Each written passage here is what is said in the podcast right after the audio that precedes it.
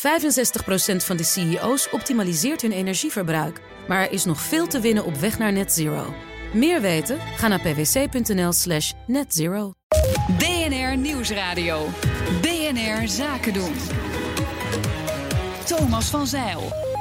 Het regende vorige week waarschuwingen van onder andere het IMF, DCB en de Europese Commissie. Ze hebben allemaal hun verwachtingen naar beneden bijgesteld.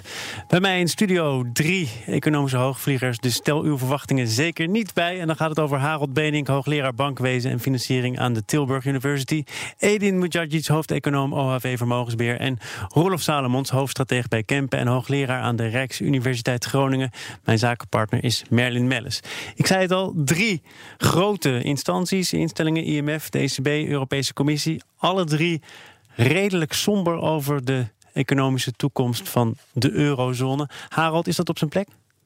Nou ja, kijk, wat we in de wereldeconomie zien is dat er nou een soort groeivertraging is na jaren van hele goede conjunctuur. Dat is op zichzelf normaal, hè, dat het naar beneden gaat. Ik denk dat we ons ook meer zorgen moeten maken over de eurozone dan over de Verenigde Staten. Dat daar de, economisch gezien. En in de eurozone, ja, daar kunnen we natuurlijk wel wat we zien, is dat er gewoon een aantal fundamentele problemen nog blijven bestaan ter versterking van de eurozone. Er waren ook wat initiatieven de afgelopen jaar van een, een vergroot stabilisatiefonds, een eurozonebegroting. Nou, er is grote verdeeldheid in de eurogroep van ministers van Financiën. We hebben natuurlijk de Hanse-liga van de noordelijke eurozone landen onder leiding van de Nederlandse minister van Financiën Wopke Hoekstra, die toch heel anders in het, erin staat dan zeg maar de Franse en een aantal Zuid-Europese landen. Um, dat is een probleem. En wat je dan ziet is dat ook het de, het probleem is dat het werk niet wordt afgemaakt. Nou, dat, dat, dat, ja, dat er grote mate van verdeeldheid is. En wat we ook kunnen verwachten is dat uh, ik ben laatst ook op een conferentie geweest op de Koninklijke Universiteit in Milaan. En als je daar dan ook de collega's spreekt, bijna iedereen houdt er serieus rekening mee dat Salvini uh, binnen een jaar premier van Italië is. En dat zal betekenen dat er gewoon grote uh, kans is op grote spanningen binnen de eurozone uh, als dat gebeurt. Is dat inderdaad onder andere die verdeeldheid, gebrek aan eensgezindheid, wat hieronder ligt? Ja, ik denk het hele Europese verhaal is nog steeds een verhaal van werk en uitvoering. En het, ik denk dat de ECB heeft gewoon de afgelopen tijd de kans, denk ik, gemist om de rente te verhogen. Dus we zitten hier nog met groei die gewoon uh, ja, zwak en zwakker is. Inflatie die laag en laag blijft. En, en de rente die niet van zijn plek komt. En daar overheen komen dan nog wat handelsperikelen uh, waar de VS iets minder last van heeft dan Europa. Ja, ja dan, als je alles dan optelt, dan uh, is het een, een, ja, een mager plaatje. Ik zou me voor een deel toch meer zorgen maken over de VS dan, dan, dan, dan hier. Want waar de Fed nog iets meer ruimte heeft dan de ECB om te stimuleren, die ruimte is ook niet al, al te groot. Als je naar de fiscale ruimte kijkt, daar zit in Amerika nog echt nauwelijks iets in het vat. Terwijl wij in Europa, als je het het, het begrotingstekort van de eurozone als geheel pakt, dat is minder dan 1% van het bbp. Dus we hebben nog, nog genoeg ruimte om, als het moet, uh, te gaan stimuleren. Dat ben ik met je eens. Alleen willen we die ruimte ook gebruiken. Dat is wat anders. Maar in Amerika hebben ze die optie niet eens. Want daar zitten ze al 3, 3,5 nee, tegen 4 procent aan. Dus ja. een groot probleem. Ja, maar kijk, dat is natuurlijk waar, Eden. Kijk, en alle, heel veel ook uh, hervormingsvoorstellen voor de eurozone hebben natuurlijk te maken met het feit dat je het als een soort geïntegreerd iets kan zien. Hè? Ook een soort risicovrij uh, eurozone asset waarin uh, obligatieinstrument waarin beleggers kunnen beleggen. Maar wat we zien is natuurlijk dat Nederland en Duitsland gewoon bezig zijn met begrotingsoverschotten te creëren. Dat er terwijl Duitsland en Nederland kunnen tegen hele lage rentes, negatieve rentes voor tien jaar lenen. Maar wordt de Europese Commissie had nog een klein complimentje voor Nederland over, omdat er wel ja. wat wordt geïnvesteerd in onder andere ja, onderwijs denkt over kenniseconomie, infrastructuur en dan met name ook ah, in, in, in, in, Duitsland. Christine Lagarde, hè, die heeft ook gezegd, hè, die nou de beoogd president van de ECB is. Hey, die hou je even in, hè? Ja, de, ik zeg niks. Die, uh, Christine Lagarde heeft niet alleen natuurlijk uh, iets gezegd over de zuidelijke landen, waaronder Italië, maar ook natuurlijk dat Nederland en Duitsland de regels van het spel binnen de eurozone daadwerkelijk schenden. Ja, alleen Christine Lagarde gaat er niet over, ook straks niet. Uh, zij is uh, hoofd van de ECB en dan ga je over monetair beleid, dan ga je over de rente. En de landen, dan ga je over de rente voor het Europa-gebied. En de landen gaan zelf over hun eigen begrotingsbeleid. En ik ben het met je eens, Nederland en Duitsland zouden meer kunnen doen. Maar Nederland en Duitsland gaan waarschijnlijk niet meer doen. Dus ja, we sparen ons suf en blijven ons suf sparen. Ik denk dat Eden uh, wel wat wil zeggen. nou, kijk, ik vind het er, uh, ergens heel vreemd dat, dat er steeds twee landen die zich het grootste gedeelte van de tijd sinds de invoering van de euro keurig gehouden hebben aan de regels, nu heel vaak eh, ervan Beticht worden eigenlijk? beschuldigd worden dat ze een beleid voeren wat gevaarlijk is voor de groei van de economie van de eh, eurozone. Wij vergeten voor het gemak dat we te maken hebben met landen zoals Frankrijk, Italië, andere landen. Die, die echt jaar in, jaar uit zich niet hebben gehouden aan de regels. En ehm, dan moet de ECB, die de rente al nul, op 0% heeft, nog verder gaan, omdat die landen weigeren te hervormen. Gaat mij net iets te ver. Dus met andere woorden, je begrijpt volledig dat die Hanse-liga is ontstaan... en daarin ook het Nederlandse standpunt. Ik begrijp heel goed dat er een aantal landen eh, opgestaan zijn he- en hebben gezegd: voordat we verder gaan met het vervolmaken van die muntunie, want dat is natuurlijk wel wat we uiteindelijk moeten hebben als we er een succes van moeten maken, van zouden willen maken, en dat willen we allemaal, denk ik. Voordat we die nieuwe stappen gaan zetten, moeten we toch eerst even A. regels afspreken en B. En nou. Niet er, ervoor zorgen dat je ook dat het afgedwongen kan worden, dat je daaraan houdt. En als je niet houdt, dat er sancties staan. Die regels afspreken hebben we in, in de jaren 90 al gedaan. Maar we, we hebben nagelaten om een soort mechanisme in te bouwen om landen daarop aan te spreken. Ja, maar ik ben het niet daar in, in principe Ede, daar niet mee oneens. Dat je, de, hè, dat je nou zo'n pas op de plaats kijkt van Noor- Noord-Europa. Maar waar ik mij heel erg zorgen over maak, is wat ik wel eens genoemd heb: de escalerende negatieve politieke dynamiek tussen Noord en Zuid. Dus de politieke dynamiek tussen Noord, eh, hè, de Hanseliga ruzie maken met de Fransen en met de Italianen. Kijk, wat we gewoon krijgen, we moeten eigenlijk naar een soort plan. Hè? En ik ben zelf eh, eh, deel van een groep van Europese hoogleraren. En al 2,5 jaar zijn wij bezig met te zeggen: ga nou met een land als Italië een soort beleidsmatig actieplan maken voor de komende vijf jaar. Ja, daar moeten moeilijke maatregelen in zitten. Maar we arbeidsmarkthervormingen, eh, belastinginning, dat soort zaken. We gaan het elk jaar monitoren. En als Italië dan concreet bepaalde stappen zet, gaan we in Italië vanuit Europese fondsen bijvoorbeeld fors meer investeren. Want dat is dan Om de de worst die je politieke dynamiek. Want de, het gevoel in Italië, terecht of onterecht, is dat, dat eh, Europa heeft ons in de, steek gelaten. Niet alleen op het gebied van de migrantencrisis, waar wij natuurlijk veel meer hadden moeten doen. Maar ook wij staan, wij staan alleen maar te zeggen: jongens, je, eh, precies dit verhaal. Jongens, jullie zijn al zo lang bezig met geen hervorming en dat begrotingstekort. Wij moeten met Italië gewoon een soort plan gaan maken en een soort gaan uitstralen dat we gaan helpen. Want dit kan zomaar uit de hand lopen. Dat is ook zo. Alleen op het moment dat we het hebben over eh, nieuwe regels, over het verdiepen van de muntunie, dat komt allemaal neer op meer solidariteit met elkaar.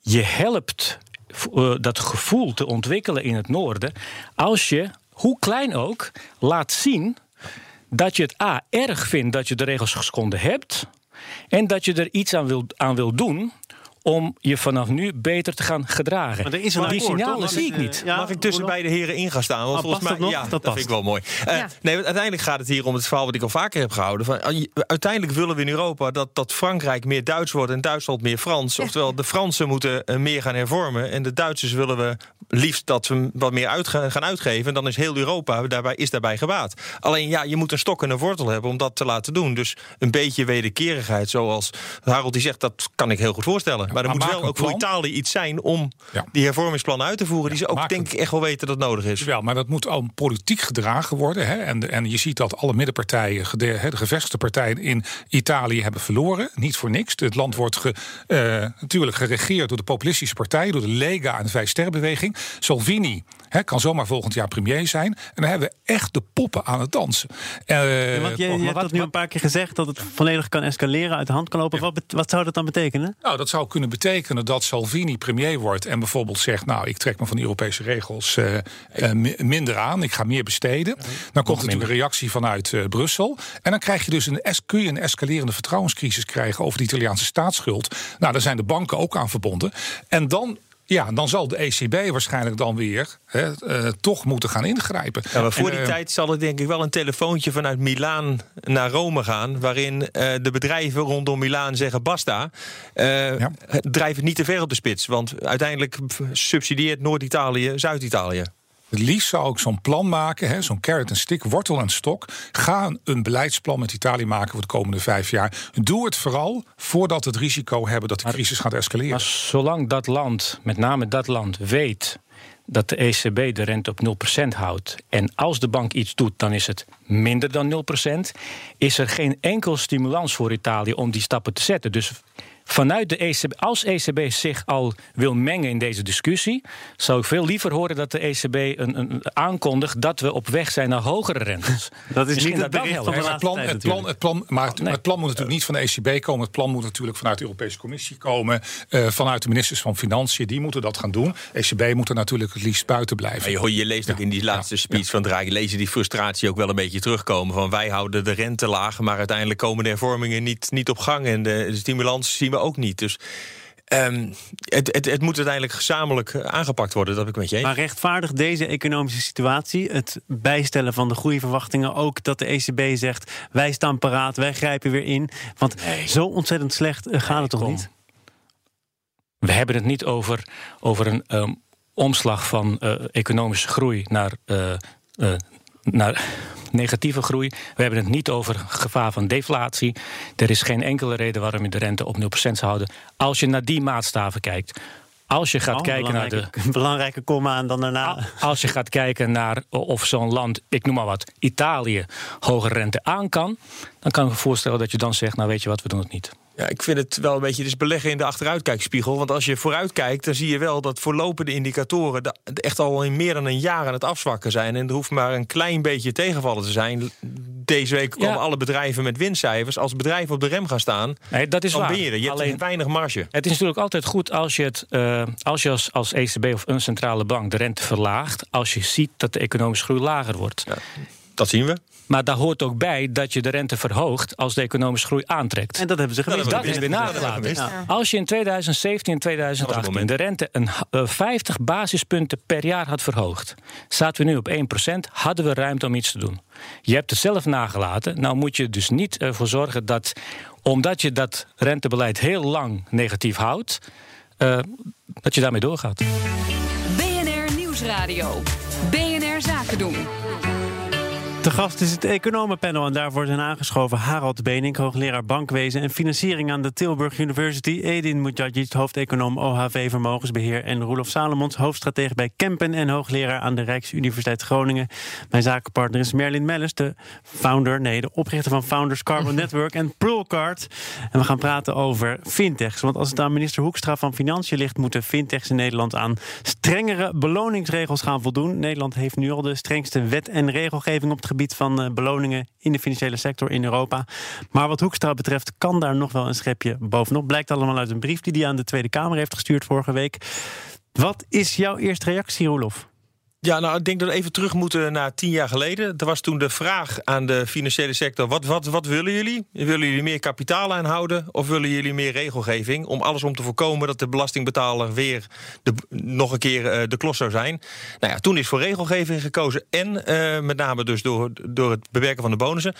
Ehm, het verschil hiermee is uiteindelijk dat deze sector waar we het nu over hebben, is geen systeemrisico. Dus de kans dat de belastingbetaler hier uiteindelijk de klos zal zijn, is denk ik nul. Dus lijkt me niet nodig.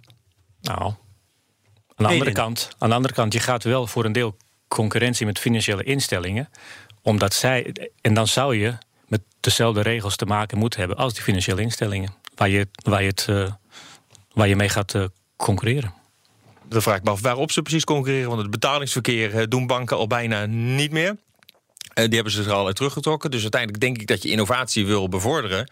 Nou ja, een innovatie bevorder je door kleine bedrijven niet een, een, een keurslijf, eh, eh, in een keurslijf te Ja, maar persen. we hebben het over, over niet dat, je, dat je helemaal niks meer mag doen. Je mag nog steeds aandelen geven. Alleen je vraagt van de mensen die, die, die daarbij zitten om vijf jaar verbonden te blijven aan het bedrijf. Dat lijkt mij een goede zaak. Waarvan eh, die bedrijven zeggen: wij werken met jonge mensen Ja, nou vijf en? jaar bij hetzelfde bedrijf. Dat komt eh, zelden tot nooit meer voor. Nou, dan moeten ze iets anders gaan doen.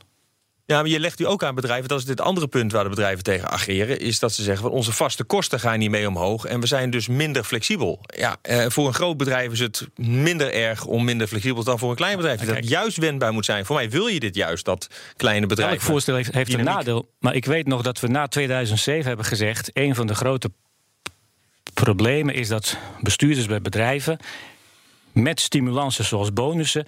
te veel gefocust waren... hoe doe ik het komend half jaar... en wat er daarna komt, zie ik wel. Dit helpt om als oprichter, als, als mede-eigenaar... je te focussen voor de komende jaren. Lijkt mij een goede zaak. Ja, dus het is hier niet uh, het verhaal dat die aan die, um, die jonge mensen die bij die fintechs werken geen bonus kunnen krijgen.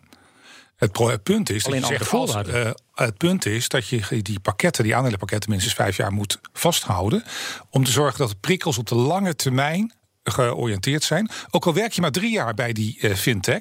Het gaat erom dat je het soort beslissingen neemt. dat dat voor de, midden, voor de langere termijn is. Dat is eigenlijk het verhaal. Dat zit ook in die, in die, in die bankendiscussie.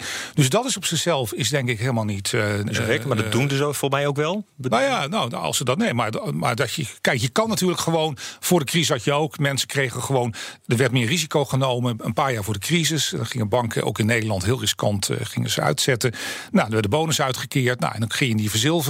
Nou, en dan had je, had je de, de hele, het hele pakket verkocht voordat de crisis uitbrak. Nou, dat wil je voorkomen. Nou, dat kan bijvoorbeeld met zo'n vijf jaar. Misschien moet je het zelfs langer doen. Misschien moet je misschien tien jaar. tien jaar visie pakken. Dus, hè, dat, dus uh, Um, de vaste kosten, de vaste salaris hoeven niet omhoog. Hè? En als die mensen zeggen, ja, maar ik wil niet bij een bedrijf werken wat naar de lange termijn kijkt, dan moet je zeggen van nou, dan moet je, hoort u misschien niet hier te werken. Want kijk, uiteindelijk zijn ook fintechs, kijk, het zijn geen systeembanken, maar de grote vraag waar we mee zitten, met dat hele schaduwbanksysteem, is in welke mate deze toch een bepaalde impact op de stabiliteit van het financiële ja, systeem en, wat en de reputatie daar kan hebben. Niet. En, dus, de, en dat is dus, het is niet zo dat die fintechs, dat je moet zeggen, en die schaduwbanken schaduwbanken helemaal losstaan. Dat als zij in de problemen komen, dat dat geen impact, invloed kan hebben op de, op de vertrouwen in het financiële systeem. Dus het is toch een diffuus geheel. En het is minder, zeg maar, uh, clear cut uh, eh, 0-1. Hoe groot is die impact dan? Want daar gaat het over. Deze, deze bedrijven zeggen allemaal: wij richten ons op hele andere dingen. Misschien zijn we betalingstransacties. Uh, ze, ze, hebben, ze werken natuurlijk met bepaalde. ze garanderen betalingen. Ze hebben bepaalde eigen vermogensbasis. Nou, als het gewoon eens ergens goed misgaat in het systeem, dan kunnen zij natuurlijk ook onder druk komen te staan. En we weten het eigenlijk niet precies. Je wilt dat risico ook niet lopen. Je wilt niet over vijf jaar eh, erachter komen dat deze partijen de facto systeempartijen zijn. Waarbij je dan als overheid moet gaan. Uh, toch nog redden moet optreden. Ingrijpen. Ah.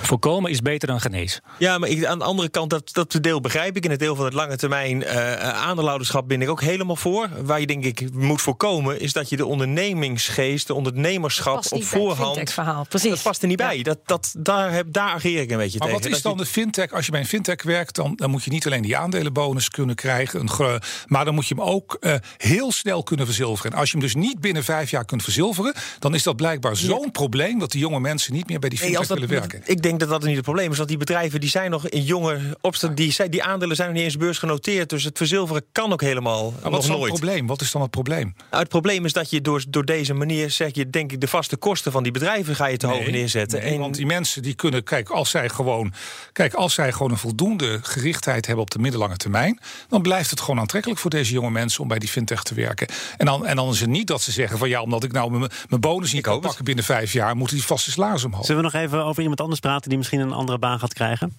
Namelijk, oh, wat een bruggetje toch weer. Ik moet mezelf even het complimentje geven. Ja, compliment aan Thomas. Het kabinet, het kabinet gaat uh, voor Jeroen Dijsselbloem als nieuwe grote baas van het IMF. Um, en dan zag ik in analyses dat het ook voor Den Haag handig zou zijn, omdat Den Haag daarmee alle ins en outs krijgt over hoe het er financieel voor staat in belangrijke delen van de wereld. Um, gaat het echt wat opleveren? Een Nederlander als grote baas van het IMF, Harald? Nou, kijk, Nederland heeft natuurlijk een, ook een vaste persoon bij het IMF, een executive director, een bewindvoerder. Maar kijk, ik denk dat de Dijsselbloem een hele geschikte kandidaat voor die functie is. Dus met wat hij, eh, wat hij ook heeft laten zien als uh, voorzitter van de Eurogroep. Dus ja, maar ik zie het, het is niet allemaal, wij denken, het is direct, direct van het oranje gevoel. Ik denk dat hij gewoon een hele sterke kandidaat is. En ja, uh, maar het zal moeten blijken of die, want het zijn natuurlijk nog wel andere. Het is, dit is een sterk profiel, hè? Als, als oud Eurogroep voorzitter ja. heeft hij waarschijnlijk net als zijn partijgenoot Frans Timmermans zo her en der ook wat vijanden. Ja, en dat zal moeten blijken, want er zijn ook nog wat andere kandidaten in Europa. Dus. Wie zijn Hij werd natuurlijk ook, ook, ook, heel even genoemd als mogelijke nieuwe baas van de ECB. Als je kijkt naar zijn ervaring, denk ik, hij past veel beter bij het IMF dan bij de ECB. En wie zijn de andere kandidaten? Mark Carney, de, de huidige topman van de, van de Bank of England, wordt genoemd. Waarbij het probleem is dat hij ja, half Canadees, half Iers, wellicht zelfs Brits is. Dus dat ligt misschien qua Brexit nog wat lastig. Ehm, maar goed, die, heeft ook, eh, die is ook eh, uitermate inhoudelijk geschikt. En heeft de ervaring. En een van het Finnen wellicht of zo? Of, eh, Dat is een wel sterke kandidaat. Ja, Olly Reen werd weer genoemd. Ja. Dus dan Ja, wordt werd weer genoemd, dat wordt weer genoemd. Ja, precies. Eh, maar zou je het zien gebeuren? Zou het goed zijn? Ja? Ik denk dat het een prima kandidaat is. Ja. En Ik, dat, ik en- en- las nog dat Jan-Peter Balken en er ook nog eh, eh, naar voren, eh, of dat er over gesproken zou worden om hem voor te dragen. Was dat een goed idee geweest? Hij zit natuurlijk bij EY nu. Als we als, als we als land al één iemand naar voren willen schuiven, dan is dat liever op dit moment? Dijsselbloem. Ja. Met zijn ervaring. En hoe, hoe zit het eigenlijk met het, eh, het verdelen van die posten? Want eh, traditioneel is het altijd zo dat er volgens mij een Amerikaan dan de leiding heeft de over de Wereldbank. En een Europeaan Ja. het IMF eh, leidt. Kan zijn- dat eigenlijk nog wel? We zijn heel goed eh, in, in het aangeven dat omdat de wereld anders is geworden, dat het nu de tijd is dat de volgende baas van het IMF eh, uit Azië komt. Maar als het zover komt, zeggen we altijd. Nu even houden aan oude regels. Volgende keer zijn jullie aan de beurt. Helpt dat zal nu niet anders zijn, denk helpt ik. erbij ook niet dat men in, niet achter één kandidaat gaat staan. Dat zou denk ik voor de landen ook een stuk sterker maken als ze dat wel zouden doen. Maar dat gebeurt in Europa dus ook nog niet, want eh, er zijn meerdere namen die eronder doen. Nee, maar uiteindelijk komt Europa, denk ik, uiteindelijk als puntje bij paaltje komt met één naam naar voren. En dat is iedereen, dat is dan Nee, het is toch een verschil tussen woorden en daden. We hebben gezien dat nu ook bij de benoemingen in de topposities in Europa... met het voorzitterschap van de Europese Commissie. Er waren dus duidelijk eh, eh, kandidaten die het Europese parlement naar voren wil schuiven. En eh, tijdens de Europese parlementsverkiezingen is ook gezegd... we moeten het vertrouwen van de burger in Europa vergroten... democratische legitimiteit, transparantie. Nou, er zijn er een aantal goede kandidaten, waaronder Frans Timmermans. En dan zeggen de Europese christendemocraten... ja, maar hij is geen, geen christendemocraat, dus en wij zijn de grootste partij. Dus nou, als Manfred Weber het niet mag worden van ons... moeten we iemand anders hebben. En dus wordt er iemand uit Duitsland gehaald... eh, waarvan iedereen zegt dat hij toch wel heel onervaren... op het Europese toneel is. Van alle, Timmermans is evident gewoon een veel sterkere. En dus is er morgen in het Europees Parlement een, een stemming hierover. En kan het zijn dat deze Handje mevrouw boord. misschien eh, het eh, niet wordt. En, en nog heel Ja. kort, want ik zie dat ik eigenlijk geen tijd meer heb. Maar als die mevrouw het niet wordt, Ja. Wat dan? betekent dan ook dat Christine Lagarde weer ter discussie komt te staan? Want het is natuurlijk één groot kwartetspel. Frans-Duitse deal bedoel je? Ik denk, Het zou niet mogen. Die twee dingen staan formeel los van elkaar. Maar Dan, nee, daar hebben we helemaal geen tijd meer voor, voor de maar. Oh goed, de maar is dat het misschien Maar toch is voor volgende week. Heel goed. Eh, de laatste woorden waren van Edin Mujadjic. Dank dat je er was. Harald Benink was hier ook en Roelof Salomons maakten het panel compleet. Fijn dat we zo'n mooi panel hadden. En ook fijn dat er een zakenpartner was. Merlin Mellis, dankjewel. Tot de volgende keer. gezellig. 65% van de CEO's optimaliseert hun energieverbruik. Maar er is nog veel te winnen op weg naar net zero. Meer weten? Ga naar pwc.nl slash netzero.